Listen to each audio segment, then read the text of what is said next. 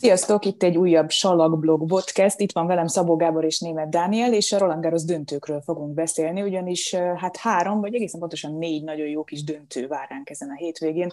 Elsőként jön majd a női egyéni döntő, Igaz Jontek és Sofia Kenin között, aztán megmutatjuk nektek a férfi páros döntőt, de igazából mi a vasárnapi napot várjuk leginkább, hiszen 11 óra 30 perctől Babos Tíma és Krisztina Mladenovics meg akarja védeni a címét a női páros döntőben a Roland Garroson. Ezt a mérkőzést is közvetítjük nektek, úgyhogy mindenképpen szurkoljatok Timiéknek, hiszen egy nagyon harcos elődöntő után remélhetőleg sikerül megnyerni ezt a finálét is, és aztán jön majd egy olyan döntő, ami hát igazából az az igazság, hogy egy, egy, egy akár nagyon komoly legendás döntő is lehet majd Rafael Nadal és Novák Djokovic között. Erről is fogunk beszélni, vagy lehet, hogy erről fogunk a legtöbbet beszélni, hiszen mégiscsak ez izgat mindenkit. De előtte azért szeretném megkérdezni tőletek, hogy, hogy ha mondjuk nektek tavaly valaki azt mondta volna, tavaly októberben, hogy, jövőre a Roland Garroson Sofia Kenin és Igaz Jontek játsza majd a döntőt, tegyük hozzá októberben, akkor, hm. akkor mennyi, mennyire nevettetek volna, vagy mennyire, mennyire nem hittétek volna el ezt?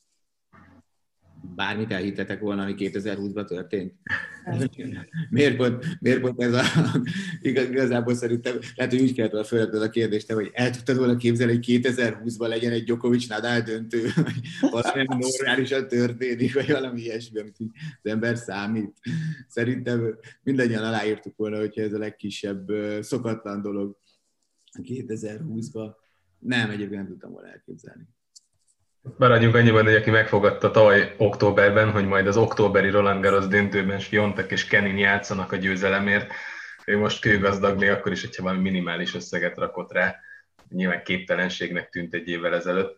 Igaz, mondjuk önmagában véve az, hogy Fiontek döntőt játszik egy Grand az annyira nem lepett meg az alapján, amit láttam tőle eddig, de nem gondoltam volna, hogy ez pont egy, egy Roland Garros lesz a, a játékát figyelembe véve, meg hát nyilván azt sem gondoltam volna, hogy, hogy Keninnek lesz egy salakos Grand Slam döntője. Igazából tényleg ez a meglepetés, bocsánat Gábor, hogy, hát, hogy Sofia Kenin megnyerte az Ausztrál open az oké, okay, de, de hogy csalakon is így tud teniszezni, hogy így tud küzdeni, azért az, az, az számomra mindenképpen egy, egy, egy komoly, komoly döbbenet volt. Hát de úgy, hogy ugye, nem tudom, két hete kikapott 6-0-6-0-ra Viktória Zerenkától a római tenisztorna második fordulójában, tehát hogy még, még igazából a Gerosz előtt sem nagyon volt előjele annak, hogy ebből egy ilyen salakos teljesítmény kijön Sophie Keninnek. Elképesztő. Hát az, hogy 6-0-6-0-nál szerintem megalázóbb dolog, egy semmilyen teniszezővel nem történhet. Az, hogy ugye tényleg az nagyon jó példa szerintem, az utolsó 6-0-6-0-át ilyen szintű teniszező, tehát egy top 5-ös játékos, uralkodó Grand bajnok, az Salapova kapott, de Szerénától. És ott azért ugye más mozgatórugók is vannak. Tehát egy ilyen kvázi nem olyan nagyon fontos meccse, mint a római torna, azt hiszem talán a második forduló volt, vagy első, amikor az Arenka Kenénnel játszott, hogy 6-0-6-0-át benyel valaki, Grand Slam bajnokként, hát az akkora szégyen, és ezek után oda megy, és, és játszik egy Grand Slam döntőt ugyanazon a borításon, még akkor is, hogyha nyilván az ugyanaz a borítás, az itt most azért nem feltétlenül állja így meg a helyét, de nekem ez benne a leghihetetlenebb, hogy hát, hát bárki más hetekre összetört volna egy ilyen szégyen után, mint amit őt érte. Tehát az, az, az szerintem ilyen, tényleg ilyen el, amatőr játékosok rettegnek a 6-0-6-0-tól, hogy megrántotta a vállat, hát ez is egy vereség, aztán ment tovább. Egyetem.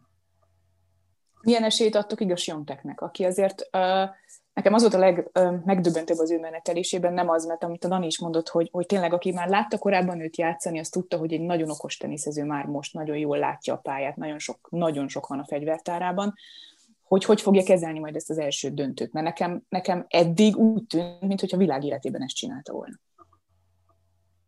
Mint hogyha, nem tudom, ilyen számítógépes játék leül az ember, és akkor hát így lejátszik egy döntőt. Nem hibázik, nagyjából ugyanazt a szintet hozza, mint, mint máskor, és de hogyha egy, egyáltalán nem hatottak volna rá a különböző játékhelyzetek. Odát Simona Halep elé, leütötte a pályáról egy órán keresztül. Amikor a mérkőzését kellett nem tudom, hogy a dolgot, azt hiszem fogadóként fejezte be végül a mérkőzés, teljesen mindegy. Amikor a győzelem kapujába került, akkor sem ingott meg, ugyanúgy folytatta ugyanazt a játékot. Amikor már legyőzte Halepet, ő volt azon az ágon az esélyes azokon a mérkőzéseken, amiket neki le kellett játszania, és ez sem érződött rajta, pedig az onnantól kezdve egy teljesen más szituáció volt. Úgyhogy én simán kinézem belőle azt, hogy kiáll a mai döntőbe, és ugyanezt a játékot hozza, ellentmondást nem tűrő játékkal leüti a pályára a Sofia Kenint, 53 perc alatt le tudja a döntőt, és minden idők egyik legsimább Roland Garros győzelmét mondhatja magáénak, úgyhogy azért az egy egészen kemény ág volt, ami eljutott ő egyáltalán a döntőig. Ugye legyőzte a tavalyi döntőst, legyőzte a 2014-es elődöntőst, legyőzte a 2018-as bajnokot, Szóval nem lehet azt mondani, hogy szerencséje volt a sorsolása, könnyű ágon jutott el a, a döntőig, és ennek ellenére mégis, mint kés a vajon úgy ment végig a teljes mezőnyöm. Ezzel együtt szerintem nem lesz ennyire sima a döntő, de nem akarok ennyire előre szaladni. Két részre kell szerintem bontani a dolgot. Az egyik az, hogy, hogy ugye alapvetés az volt ezen a garoszon szerintem, hogy ez nem az agresszorok pályája. Tehát, hogy itt azért nehéz lesz úgy játszani, hogy te pontokat akarsz ütni. Ehhez képest azért Petra Kvitova is ott volt az elődöntőben, jó, hogy azért javarészt fedett meccseket játszva, mert hogy behúzott Filip Sátrien teniszezve, ami azért neki segített, és ott van Siotek is a, a döntőbe. Ez egyik része, hogy de ha, ha majd valaki le tudta ütni a pályáról Simona Halepet, akkor bárkit le tud ütni a pályáról szerintem ezen a világon, és ezen a borításon is. Tehát ilyen szempontból azért nyugodtan lehet önbizalma. A másik része tényleg az, hogy, hogy Kenin ellen, aki ellen meg kell csinálnia majd a pontokat, ő képes lesz mert Petra Kvitova nem volt képes, és Petra Kvitovának azért a nálánál agresszívebb játék a világon nincsen. Itt az a kérdés, hogy mennyit fog rontani, meg mennyire csak ez az ilyen agresszív tenisz működik majd, és nem, nem hogyha okosabban játszik, akkor jó lehet. De, de azt, hogy miként reagál, valaki élete első Grand Slam döntére, azt azért nehéz megmondani, bár ilyen szempontból szerintem előnye van Sieteknek, hogy, hogy nem lesznek nézők. Tehát nem az van, hogy kimész egy 15 ezres stadionba, és hú, úristen, ez egy Grand Slam döntő, egész világ ezt nézi, hanem ugyanúgy ezren lesznek, mint eddig. Tulajdonképp nem sok változás a korábbi meccséhez képest. Mary Pierce, amikor először jutott be a döntőbe a Garoszon, tíz játékot, tíz játékot veszített a döntőig. És és aztán kikapott Sánchez Vikáriótól. Tehát azért nagyon nehéz, bár ő ugye a hazai pályán játszott. Tehát nagyon nehéz lesz szerintem ezt első Grand döntőbe agresszorként, Kenin ellen, aki már nyert egyet megcsinálni, de hát azért viszont nem egy rutinos öreg rókával játszik, hanem valakivel, aki nagyjából ugyanannyi idős, mint ő. Igen, nekem is ez jutott eszembe, hogy, hogy amellett, hogy igazad van, hogy tök üres stadionban fog játszani, nem lesz igazából olyan nagyon nagy hangulat sem feltétlenül, hogy egy olyan valakivel játszik, akinek oké, okay, van egy Grand Slam trófeája, de azt pár hónappal korábban szerezte, és igazából jelentősen sok tapasztalata még nincsen ilyen téren. Úgyhogy ez is segíthet szerintem Sionteknek.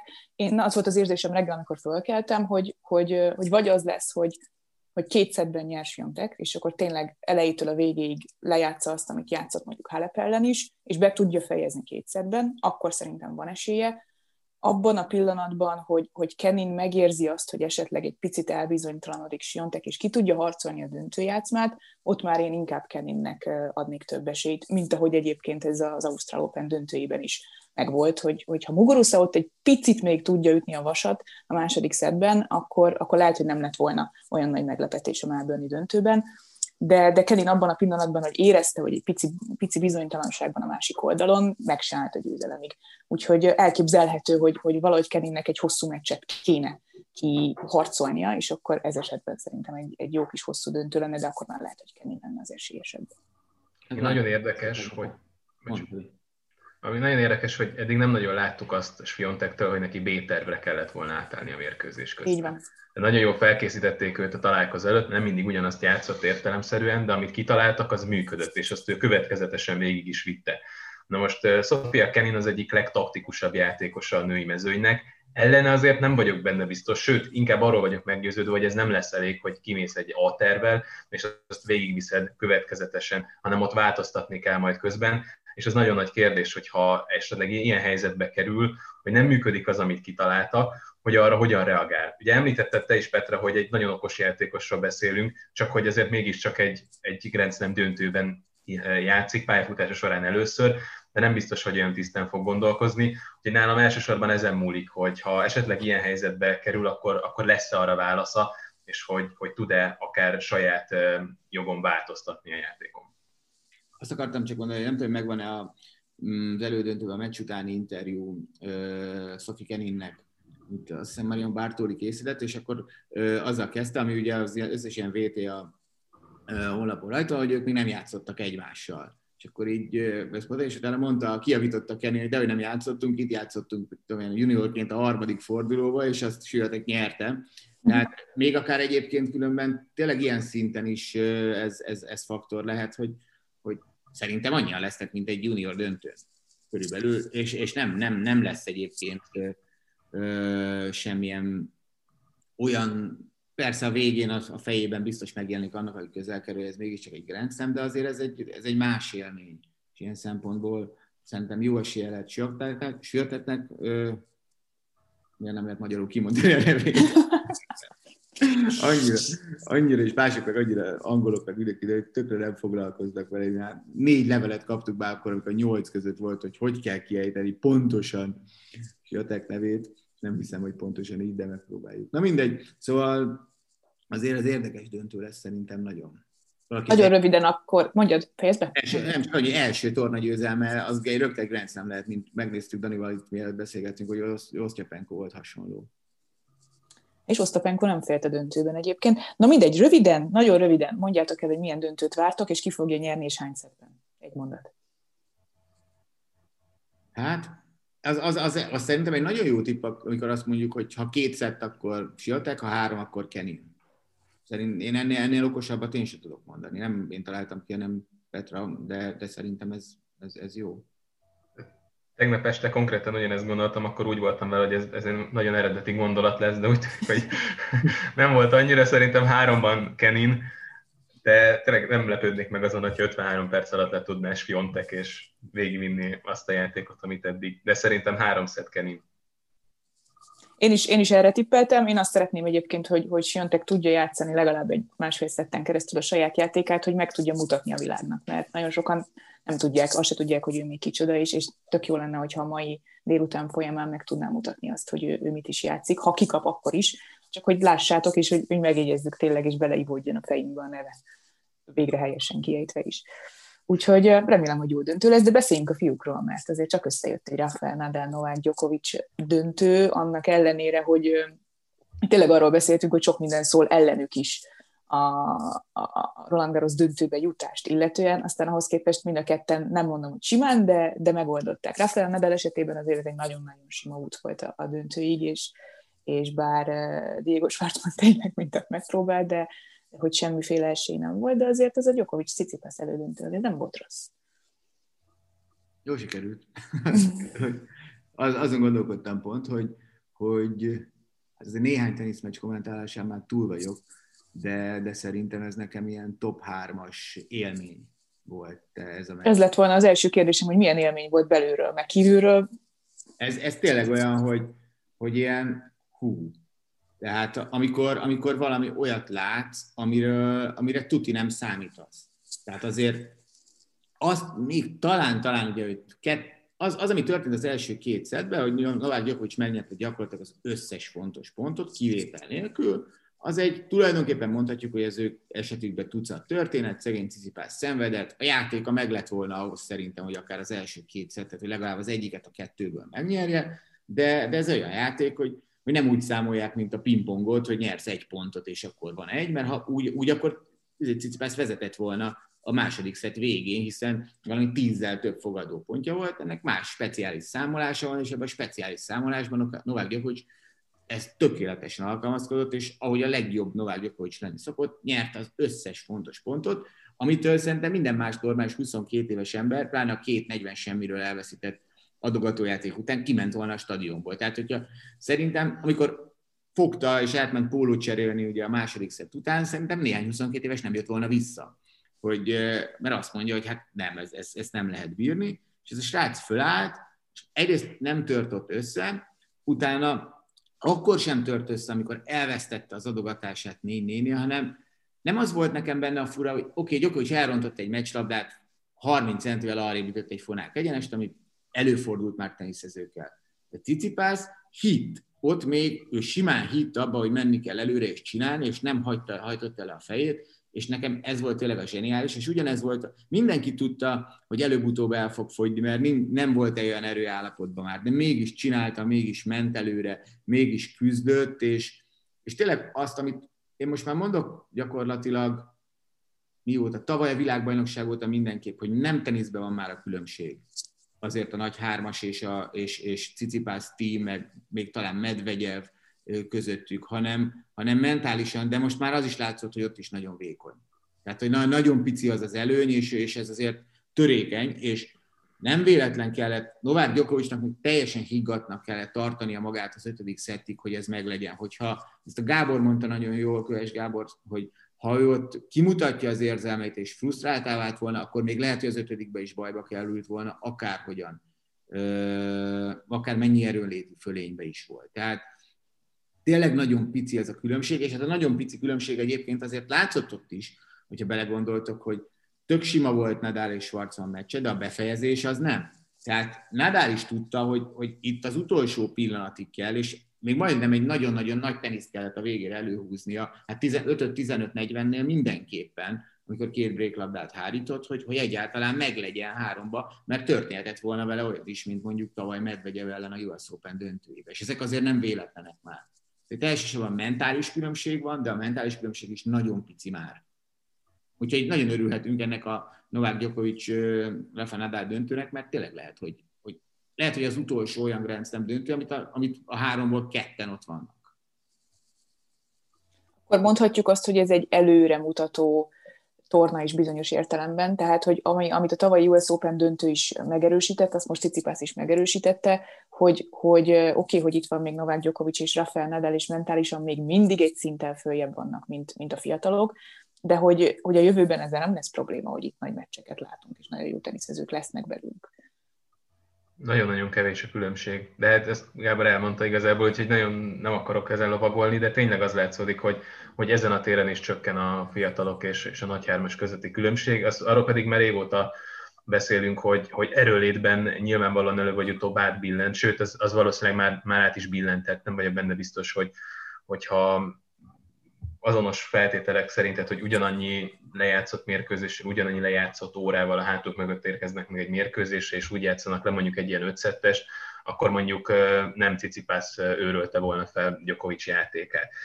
Um, ami nagyon érdekes volt Cicipászban, az az, hogy egyrészt ebben azért nagyon nagy mester tud lenni, hogy, hogy tartsa a szerváját akkor is, amikor irgalmatlan nagy nyomás alatt áll, és ugye Roger Federer két mérkőzésen is ennek az elszenvedője volt, de sok két fontos mérkőzésen volt egy Ausztrál Open negyedik forduló, vagy, vagy negyed döntő, nem emlékszem pontosan, és egy, egy világbajnoki elődöntő, ahol irgalmatlan sok bréklabdája volt, és persze Federer pályafutásából azért nem olyan nagyon kirívó dolog az, hogy pocsékol egy csomó bréklabdát, de mondjuk azért általában úgy szokott lenni, hogy a végén rosszul néz ki a statisztika, de azért csak elveszi mondjuk kétszer-háromszor az ellenfél szerváját, na most ez ebben azon a mérkőzésen nem sikerül.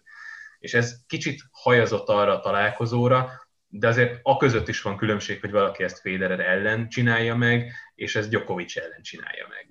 És tulajdonképpen egy, egy teljesen ellentétes mérkőzés volt ez az elődöntő, olyan értelemben, hogy az elején Jokovic azt csinálta Cicipásszal, amit mindenki mással csinál, és aztán utána valahol ott a második szett után ez megfordult, és Cicipász azt csinálta, amit Jokovic szokott egyébként a teljes mezőnyel, és egyébként ez egy komoly teszt volt ilyen értelemben a világ elsőnek, aki ezt, ezt nagyon szépen ki is állta, mert, mert nagyon jól menedzselte ezt a, ezt a helyzetet, és nem lett túlzottan frusztrált, ami akár így a döntőre is egy, egy előremutató dolog lehet, hogy, hogy higgadt tudott maradni, és, és ez talán azt jelzi, hogy most tényleg nagyon fókuszál a célra, és, és nem hagyta, hogy megtörténjen bele az, ami mondjuk a US Open negyedik körében, és nem arra gondolok, hogy elütötte a labdát, hanem hogy, hogy láthatóan frusztrált lehet amiatt, hogy nem ment neki annyira a játék. És mondjuk, hogy nyilván a döntőben, ami, amin szerintem mindannyian egyetértünk, hogy egy nagyon-nagyon szoros küzdelmet jósolunk, nehéz is lenne feltétlenül egyértelmű esélyest kijelenteni, vagy, vagy kikiáltani, de egy, egy ilyen mérkőzésen ez, ez nagyon számít. Petra? Kijelenthetjük szerintetek, vagy legalábbis nekem ez volt az érzésem, hogy akkor igazából ez az elődöntő Djokovic és Cicipász között abszolút nem a teniszen múlott. Tehát nem azért ment tovább Djokovic, mert jobban teniszezett. Szerintem nem teniszezett jobban, mint Stefanos Cicipász, hanem a fontos pontokat megnyerte az elején és a végén. Fizikailag egy pici előnye volt, és, és hát nyilván mentális, a mentális fölénye az, ami, ami meg az egója, ami elővitte annak ellenére, hogy ahogy ezt ti is mondtátok a közvetítésben, ha valakinek van még a fiatalok között egója, az, az Stefanos Tsitsipas. A tenisze Djokovicnak elég lesz, elég lehet Rafael Nadal ellen? Nem ezen a pályán igen. Ezek között a körülmények között igen. Itt most azért az a kérdés, hogy van két, öt órával kevesebbet pihen, ugye, egy picit azért ő a fáradtabb, meg a 12 győzelem. Tehát, hogyha ha, ha nem lenne a 12 győzelem, ez lenne az első Garosz döntőjük, nem lenne előélet, akkor, akkor, akkor szerintem itt Novák Gyokovicsot kéne még ezek között a körülmények között is favoritként megnevezni, pláne úgy, hogy tényleg amilyen, amilyen formát mutat, ami, ahogy változtak a körülmények ugye tavalyhoz képest. Tehát ez mind-mind-mind mellette szól. Itt az öt óra szól ellene, ha három szedbe befejezte volna, akkor szerintem sima favorit lenne Djokovic. De, de hát azért a másik meg az, hogy nem, nem tudom, hogy Rafael Nadal ellen lehet-e szavazni egy garosz döntő előtt. És szerintem, ha valahogy le, valaki ellen lehet, akkor az talán, talán Novák Djokovic az egyetlen, akit meg, meg lehet így nevezni, hogy egy garosz döntő előtt mégis azt mondom, hogy hm, itt most azért inkább, inkább Djokovic. Még talán így is. De ha háromban nyert volna, akkor mindenképp így, de szerintem még így is. Az előny lehet Rafael Nadalnak, hogy igazából nem volt nehéz pillanata. Tehát, hogy úgy jutott el a döntőig, mint, mint kés, a, kés a vajon ment át, és azon kívül, hogy igen, kellett két bréklabdát hárítani a Schwarzman ellen ott a harmadik szedben, nem volt igazából tesztelve? Szerintem semmiképpen sem. Ezt ő nagyon sokszor elmondta, hogy fontos az, hogy, hogy érezze, hogy rá tud kapcsolni a száz százalékra. Ezt főleg a tavalyi idényben mondta, hogy voltak is problémái ezzel, az első három salakos versenye nem sikerült annyira jól, mint ahogyan azt ő szerette volna. És akkor mondta, hogy a 60-70 százalékot azt el tudja érni, viszont az utána következő fokozat még hiányzik, és ez az utolsó pillanatban érkezett meg a római tornán, amit végül megnyert, és aztán onnantól kezdve besöpörte a Garoszt is. De most nem vagyok benne biztos, hogy érzi azt, hogy ott van ez a száz százalék, hogyha nagyon nagy bajba van, akkor rá tud lépni. Voltak olyan nehézség, például mondjuk akár Janik Sziner ellen, amikor, amikor vissza kellett jönni, akár break hátrányból is, ne, ne kerüljön set hátrányba, de ott azért az ellenfélnek a segítsége is kellett ahhoz, tehát érezhetően, akik mondjuk előnybe kerültek vele szembe, vagy mondjuk akár Schwarzmat is lehetne mondani, akinek többször volt esélye, hogy kicsit szorosabbá tegye a játszmákat, de a döntő pillanatokban mindig vagy hibázta, vagy lehetőséget adtak Nadalnak, ő pedig ezeket ki fogja használni. Na most Djokovic ellen én nem vagyok benne biztos, hogy számíthat erre, tehát ott már bizonyos helyzetekben biztos, hogy szüksége lesz arra a százszázalékos Nadalra, ami most vagy megvan, vagy nem. Gondolom, hogy igen, de nem láttunk erre bizonyítékot ebben, a, ebben az idényben. Szerinted, Petra? Um, azon gondolkozom, hogy ugye, azt talán te mondtad, Gábor, de igazából ez egy, szerintem egy viszonylag uh, könnyen kiokoskodható dolog, hogy Novák Gyokovicsnak a pályafutásában gyakorlatilag a legfőbb ultimate cél lett szerintem az, hogy, hogy úgy nyerje Roland Garros-t, hogy Rafael Nadal győzi le a döntőben. Tehát ennél följebb most már neki nincsen, azok után, hogy, hogy tavaly megvette Roger federer a Wimbledoni döntőben, döntőszett tiebreakben két meccslabdáról. Tehát van, volt egy olyan meccse már, ami, amit nem gondoltuk, hogy meg lehet nyerni, és megnyerte, és én tegnap láttam Novák Djokovic arcán, Nyilván Stefanos Tsitsipas miatt is kellett fölvenni azt az arcot, de az az, az arc, ami, ami azt mutatja, hogy én tudom, hogy miért vagyok itt, és bármi áron, bárki ellen meg fogom tudni csinálni azt, amit, amit kitaláltam, és én, és én Rafael Nadal ellen szeretnék nyerni egy Roland mert akkor aztán tényleg senki nem mondhat már semmit. Én, én tegnap láttam az arc kifejezésén, hogy még, még a negy, harmadik, negyedik szedben is, amikor, amikor, amikor tényleg feljebb kellett kapcsolni, mert neki, neki feljebb kellett kapcsolni ahhoz, hogy döntőbe jusson, ellentétben Nadallal, hogy ő, hogy ő fel van készülve erre a kihívásra. Én, én egy picit aggódnék szerintem Rafael Nadal helyében. Kíváncsi vagyok egyébként, hogy amikor Nadal nézte ezt a meccset, biztos, hogy nézte valamennyire, hogy mit gondolt. Hát örült, hogy lett játszma lett.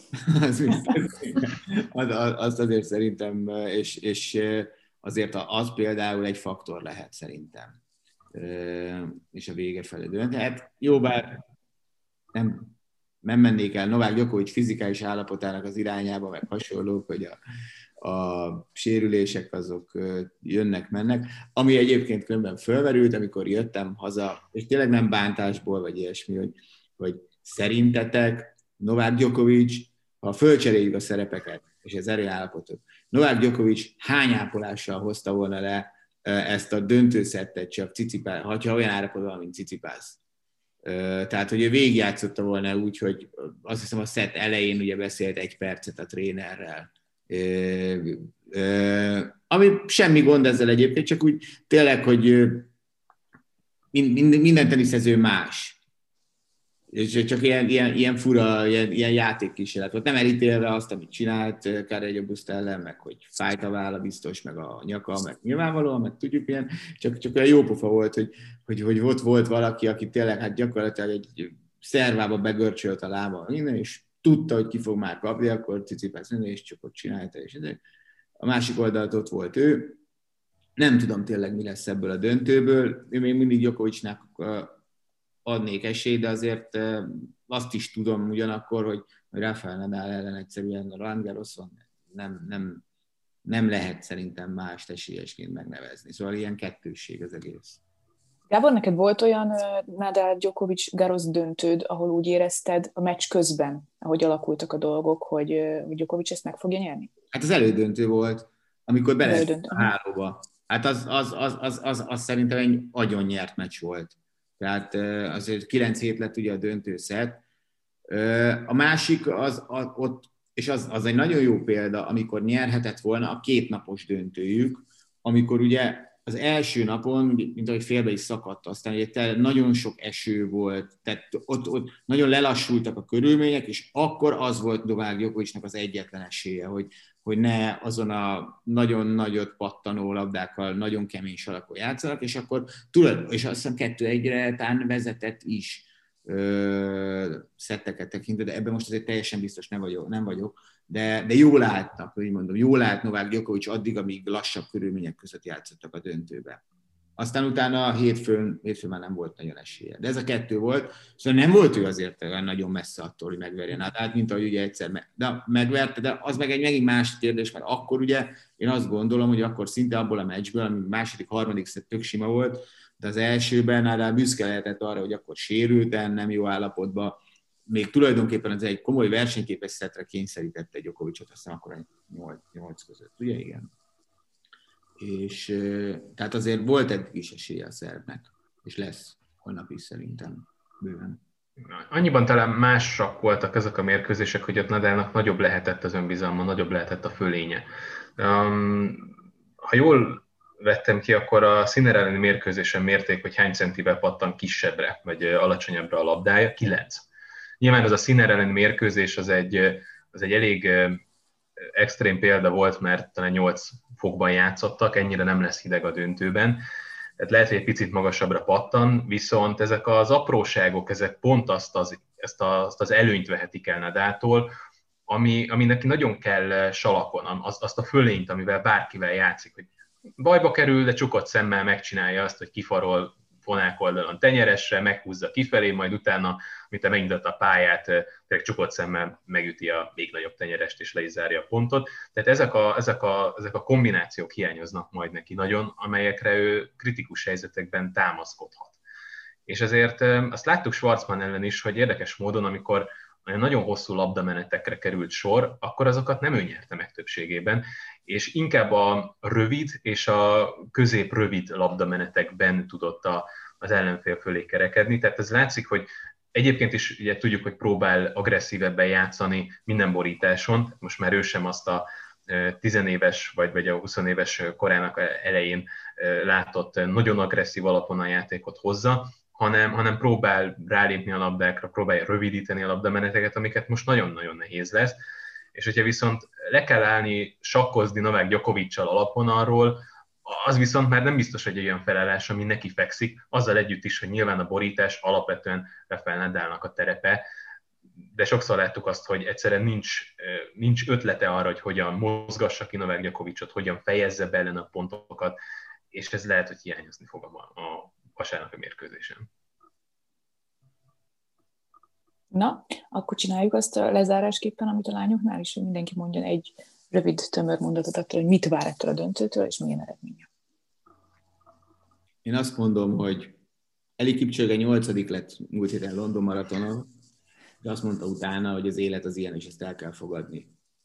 Szerintem ezt, ezt fogja mondani Rafael Nadal is azután, kikapott Novák Djokovic-tól a döntőbe a Barosszó, mert az élet az nem olyan, hogy 13 Grand Slam, 13 Roland Garros döntőt meg lehessen nyerni 13-ból. De aztán lehet, hogy tökre nem lesz igazam. Szóval szerintem Djokovic nyer, és, szerintem négybe. Dani? Végén elizgulj egy picit Djokovic, amiről egy másik podcastban beszéltünk, hogy neki ez a gótság, minden idők legnagyobbság, ez, ez ott van a fejében, és nem csak a Grand slam számában, de abban, hogy azért annál nagyobb fegyvertény, mint hogy Rafael nadal legyőzni egy Roland Garros döntőjébe nincs ebben a sportágban. Szerintem ez ott lesz a fejében, akkor, amikor mondjuk akár le kéne zárni egy mérkőzést, és, és most neki nem fog menni. Ezért ötszedben Nadal, aki megtalálja a 100%-ot. Én is ezt a jó hírt szeretném neked, Gábor, mondani, hogy mondtad, hogy ez az elődöntő, ez, ez ilyen top három élményed volt közvetítésben, szerintem ez egy epic döntő lesz. Tehát, hogy ez, ez olyasmi lesz, mint az a, az a hat órás Ausztrál Open hmm. döntő. Szerintem, szerintem is ötszet lesz, és, és, és, a, és az utolsó igazán nagy epic Djokovic Nadal döntő. Szerintem, szerintem Rafa megnyeri a végét. Várjátok, nekem is van egy kérdésem még a végére. Szerintetek Federer kinek drukkol?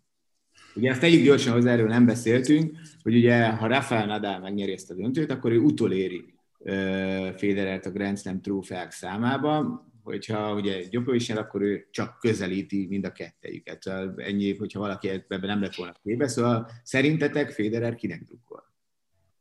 Szerintem biztos, hogy Rafának. Én emlékszem rá a 2017-es döntő után azt mondta, hogy ha lehetne döntetlen ebben a sportágban, akkor én nagyon szívesen osztoznék a döntetlennel Rafael Nadállal, és szerintem ő ezt a Grand Slam trófeák számára is így érti, úgyhogy szerintem biztos, hogy Rafaelnak szurkol. Kicsit rossz indulatú lennék azt mondanám. Persze, hogy ezt mondta, mert érzi, hogy közelednek hozzá, de, de fú, nem tudom, mit akartam mondani. Ja igen, azt, hogy utoljára 2003-ban volt olyan, hogy Federer és Nadal ugyanannyi Grand Slam győzelemmel rendelkezett. Ez az értelmetlen statisztikák rovatunkba, hogyha csinálnánk ilyet, akkor bőven beleidenemet, hogy akkor 0-0-val álltak. Illetve, hogyha folytathatom a sort, akkor 2006-ban volt utoljára olyan, hogy Djokovic és Nadal között egy Grand Slam különbség volt, akkor pedig 1-0-ra vezetett Nadal. Ezért ilyen, ilyen kontextusban is lehet nézni ezt. Szerintem egyébként mindenképp Nadalnak szurkol, Méghozzá azért, mert Djokovicban inkább benne van, hogy nyer mondjuk, nem tudom, négyet még, és elhúz akár mindkettőjüktől még mindenában. Igen? Nem, szerintem, szerintem is Nadalnak szurkol, ez csak inkább szerintem tréfás kérdés volt, viszont én nem gondolom azt, hogy őt a, a drukkolását az, ez motiválja, és ez egyébként tök jó végszó. Mert, mert én azt látom, és bevallom őszintén, ez most már az utóbbi egy-két évben kicsit zavar is ebbe az egész nagy hármas dologba, hogy ezt már mindenki így kezeli, ezt az egész történelmi dolgot, hogy úristen végén kinek lesz több Grand Slam győzelme, és biztos, hogy Roger Federernek ez nincs a, javá, a fejében, ő azért drukkol Rafával, mert Rafával, mert Rafával jobb viszonyban van, mint ahogy bárki közülünk, hogyha játszik egy valaki, aki szegről végről a barátja, meg valaki, aki azért annyira nem a barátja, akkor nyilván barátjának drukkol és nem azt nézi, hogy majd három hét múlva én játszom vele, vagy tudom én, esetleg megelőzés, akkor neki több gyümölcs tortája lesz, vagy nem tudom. Szóval ez, ez, ez szerintem egy fontos tényező, és hogy, hogy azt, azt szerintem jó, hogy minden bárki, aki leül, az mind, szerintem a 20. Petra, nem tudom hányadik rendszám döntő előtt mondom ezt, hogy élvezni kell a pillanatot, és nem azt, hogy, hogy most akkor tényleg hány trófája lesz, és akkor ki lesz minden idők legnagyobbja teljesen egy szubjektív dolog, hogy ki, ki tekint minden idők legnagyobbjának, és nem az a kérdés, hanem az a kérdés, hogy holnap ők itt egy, egy döntőt játszanak. Na, ez tök jó végszó szerintem is, úgyhogy akkor tartsatok velünk, hiszen női döntő szombaton, 3 órakor, 11 óra 30 perckor vasárnap Babos Timiék női páros döntője, és aztán háromkor jön Rafael Nadal és Novák Djokovic Garosz fináléja. Tartsatok velünk, sziasztok!